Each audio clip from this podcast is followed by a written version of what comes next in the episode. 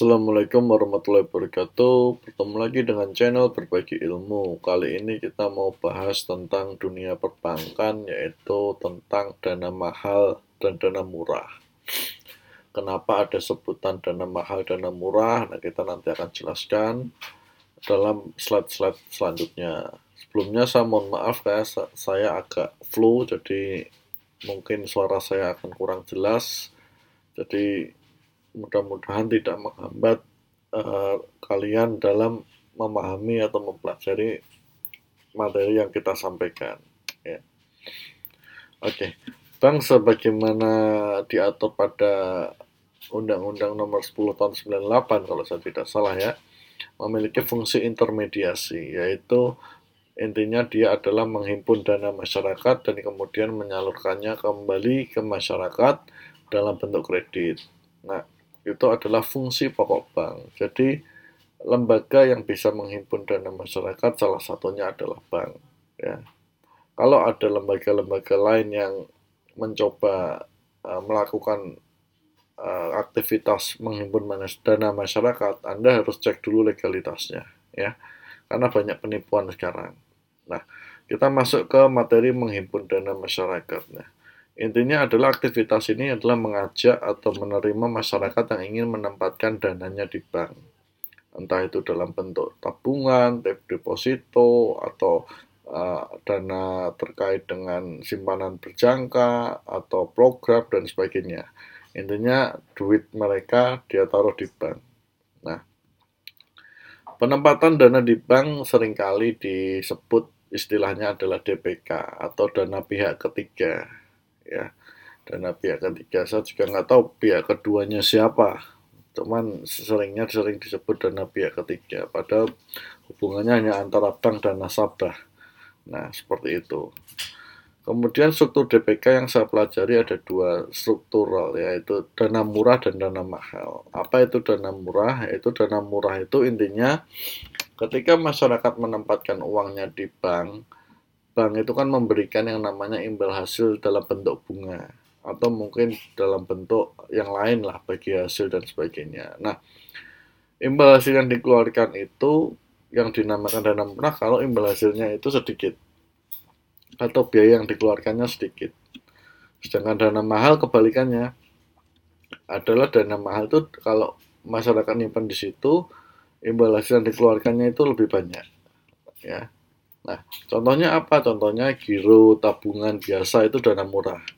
Ya kalau kita nabung di bank-bank yang pada umumnya, terus kemudian kita dapat rekening, kemudian kita dapat uh, kartu ATM. Nah itu kalau anda cek dalam satu bulan itu bunganya mungkin kecil sekali itu. Kalau duit anda mungkin di uh, di bawah 100 atau 10 miliar, mungkin bunganya cuma berapa belum lagi tiap bulan nanti kepotong administrasi macam-macam lah. Nah, itu dana murah. Artinya bank kalau bisa tidak perlu mengeluarkan terlalu banyak biaya untuk memberi imbal hasil kepada nasabahnya. Ya. Anda bisa lihat ketika Anda minta ATM akan dipotong biaya pembuatan kartu, contohnya seperti itu. Ketika Anda apa namanya minta rekening koran, anda akan dicas pencetakan rekening koran. Kadang ada yang seperti itu ya. Nah, hal-hal seperti itu uh, sebenarnya itu strategi bank. Nah, tapi untungnya dana murah ini apa? Dana murah ini sifatnya seharusnya adalah transaksional, mudah dipindah-pindahkan. Kalau Anda punya tabungan, Anda pegang mobile banking atau internet banking, dalam uh, handphone Anda bisa Anda mudah pindahkan ke bank lain atau Anda ambil lewat ATM. Kan sangat praktis. Nah, kebalikannya dana mahal contohnya adalah deposito. Deposito kalau kita lihat suku bunga saat ini mungkin saya nggak tahu ya karena saya nggak punya deposito anggap saja 5 sampai 6 persen. Nah, artinya bank itu mengeluarkan bagi hasil atau bunga itu lebih tinggi dibandingkan dana murah tadi. Nah, efeknya apa? Efeknya ada konsekuensinya, yaitu si penabung atau deposan ini harus menyimpan dananya dalam jangka waktu tertentu. Nah, itu imbal baliknya. Nah, tapi selain itu sebenarnya ada dana-dana mahal yang lain. Contoh, kadang eh, dalam praktek itu ketika Anda memiliki uang katakanlah satu miliar atau 10 miliar atau mungkin 100 miliar dan Anda adalah bukan nasabah eh, PT atau badan usaha tapi perorangan gitu kan Anda pasti didekati oleh bank. Dan Anda pasti diiming-imingi uh, imbal hasil yang tinggi ya entah itu Anda kalau nabung di sana atau deposito di sana dapat cashback bunganya mungkin dapatnya special rate kalau uh, masyarakat biasa deposito katakanlah bunga 4% Anda bisa dapat 7% dan sebagainya nah itu contoh contoh dana mahal yang ada di perbankan saat ini. Ya. Nah, bank membutuhkan dana dana dana dari masyarakat fungsinya untuk apa? Untuk dapat menyalurkan kredit. Jadi ini berimbang, ya. Jadi semakin besar porsi dana mahal di suatu bank, biasanya bunga kreditnya juga semakin tinggi.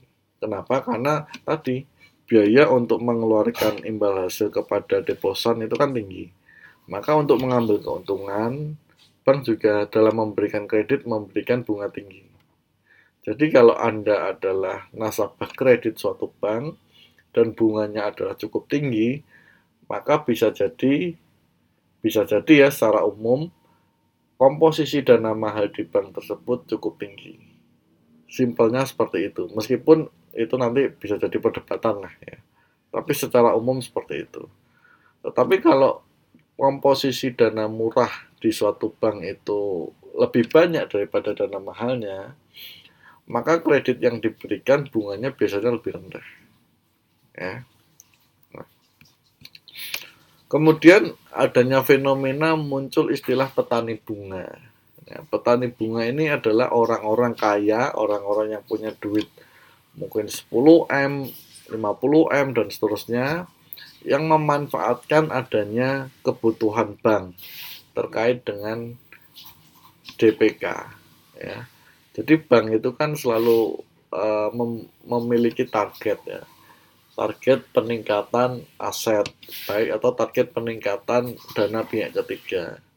Nah, paling gampang orang jualan itu ya dengan dana mahal. Kenapa?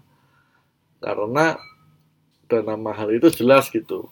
Kalau dana murah itu itu sangat bersaing gitu, sangat kompetitif. Tapi kalau dana mahal, saya bisa nabung katakanlah deposito di bank A senilai 10M, bank A kasih penawaran, oke okay, saya kasih bunga setahunnya 6% gitu. Saya bisa ngomong ke bank B, bank B saya nabung di deposito di bank A dikasih 6%. Saya bisa pindahkan nih ke tempat bank B asal bunganya dinaikin dong 6,25 atau 6,5. Nah, kalau bank B oke, okay, nah itulah dia akan pindahkan. Itulah yang dinamakan petani bunga. Jadi dia memanfaatkan uh, selisih bunga, cari yang paling mahal hanya untuk mungkin waktu sebulan, tiga bulan seperti itu. Nah, cuman yang harus dipikirkan adalah penjaminan dari LPS. Katakanlah bank itu nanti bermasalah, nah apakah Anda akan terjamin dari LPS atau tidak? Nah, jadi seperti itu. Nah, melihat fenomena ini kemudian akhirnya perbankan itu berlomba-lomba untuk menciptakan program agar masyarakat itu mau menabung di bank, terutama menabung yang dana murah dengan program tabungan, kemudian fasilitas-fasilitas yang banyak. Padahal uh, tak apa hadiah atau fasilitas itu diambilkan dari bunga yang sudah dihitung dari imbal hasil yang akan diberikan kepada Anda. Kadang Anda melihat di di televisi atau di media banyak perbankan yang menawarkan kalau nabung nanti bisa dapat mobil undian gitu kan. Nabung bisa dapat uh, sepeda motor tapi di hold sekian lama. Nah, sebenarnya itu adalah strategi dari bank untuk mencari dana murah. Dan sebenarnya hadiah itu adalah hitung-hitungan dari bunga atau bagi hasil yang seharusnya diberikan memang untuk Anda. Seperti itu. Nah, ada hal yang menarik terkait dengan uh, digital era digital ini ya, atau 4.0 itu ya. Salah satunya adalah terkait dengan digitalisasi. Nah, kalau kita melihat kondisi saat ini, kalau Anda melihat fintech-fintech yang baru, ketika orang punya dana lebih, kalau dia memang melek informasi dan melek finansial, dia akan lebih suka menabungnya itu bukan di bank, tapi menabungnya itu di fintech-fintech itu yang biasanya dia menawarkan imbal hasil yang lebih tinggi, tidak ribet, dan waktunya pendek, ya atau peer-to-peer lending. Ya, cuman yang harus di, di dipahami Anda juga harus lihat legalitasnya lah ya legalitasnya apakah diawasi OJK dan sebagainya. Nah, kemudian bank-bank yang masih belum bisa memberikan fitur kepada nasabahnya berupa fitur digital seperti internet banking, mobile banking, transfer ke mana saja, uh, terus kemudian bisa ambil uang dari ATM tanpa perlu kartu ATM, kemudian email notifikasi rekening koran ke handphone bukan lagi dikirim lewat surat. Nah, bank-bank yang tidak bisa melakukan itu untuk saat ini pasti akan ditinggal, ya, dan pasti cost mereka lebih tinggi, ya. Digitalisasi ini merubah uh, mekanisme struktur DPK di perbankan karena tidak lagi harus mengeluarkan kartu ATM, tidak harus lagi mengeluarkan kertas rekening koran, tidak harus lagi harus datang ke teller untuk ngisi slip transfer atau slip uh, eh, RTGS. Jadi banyak pekerjaan atau aktivitas yang dihilangkan sehingga menurunkan cost of fund dari dana tersebut. Nah, jadi bank yang saat ini berjaya untuk dana pihak ketiga yang murah adalah bank yang sudah mampu menerapkan digitalisasi. Digitalisasi mungkin tidak hanya slogan atau kebiar di media atau di televisi, tetapi user experience-nya sangat penting. Ya, artinya nasabah ketika mencoba itu satu dia merasa secure dulu bahwa datanya nggak akan kebobolan, dicuri, tiba-tiba hilang dan sebagainya. Yang kedua, user friendly, dapat digunakan, mudah digunakan. Ya. Nah, itu saja mengenai pembahasan dana mahal dan dana murah. Jadi nanti makin lama kemungkinan porsi deposito dana mahal pun akan semakin hilang karena orang akan lebih beralih ke reksadana, beralih ke pasar modal, atau beralih ke peer-to-peer lending yang memang memberikan imbal hasil lebih kompetitif dan persyaratan lebih mudah dan lebih enjoy buat masyarakat ya. Nah, mudah-mudahan bisa memberikan manfaat ya penjelasan ini. Terima kasih sudah menonton. Assalamualaikum warahmatullahi wabarakatuh.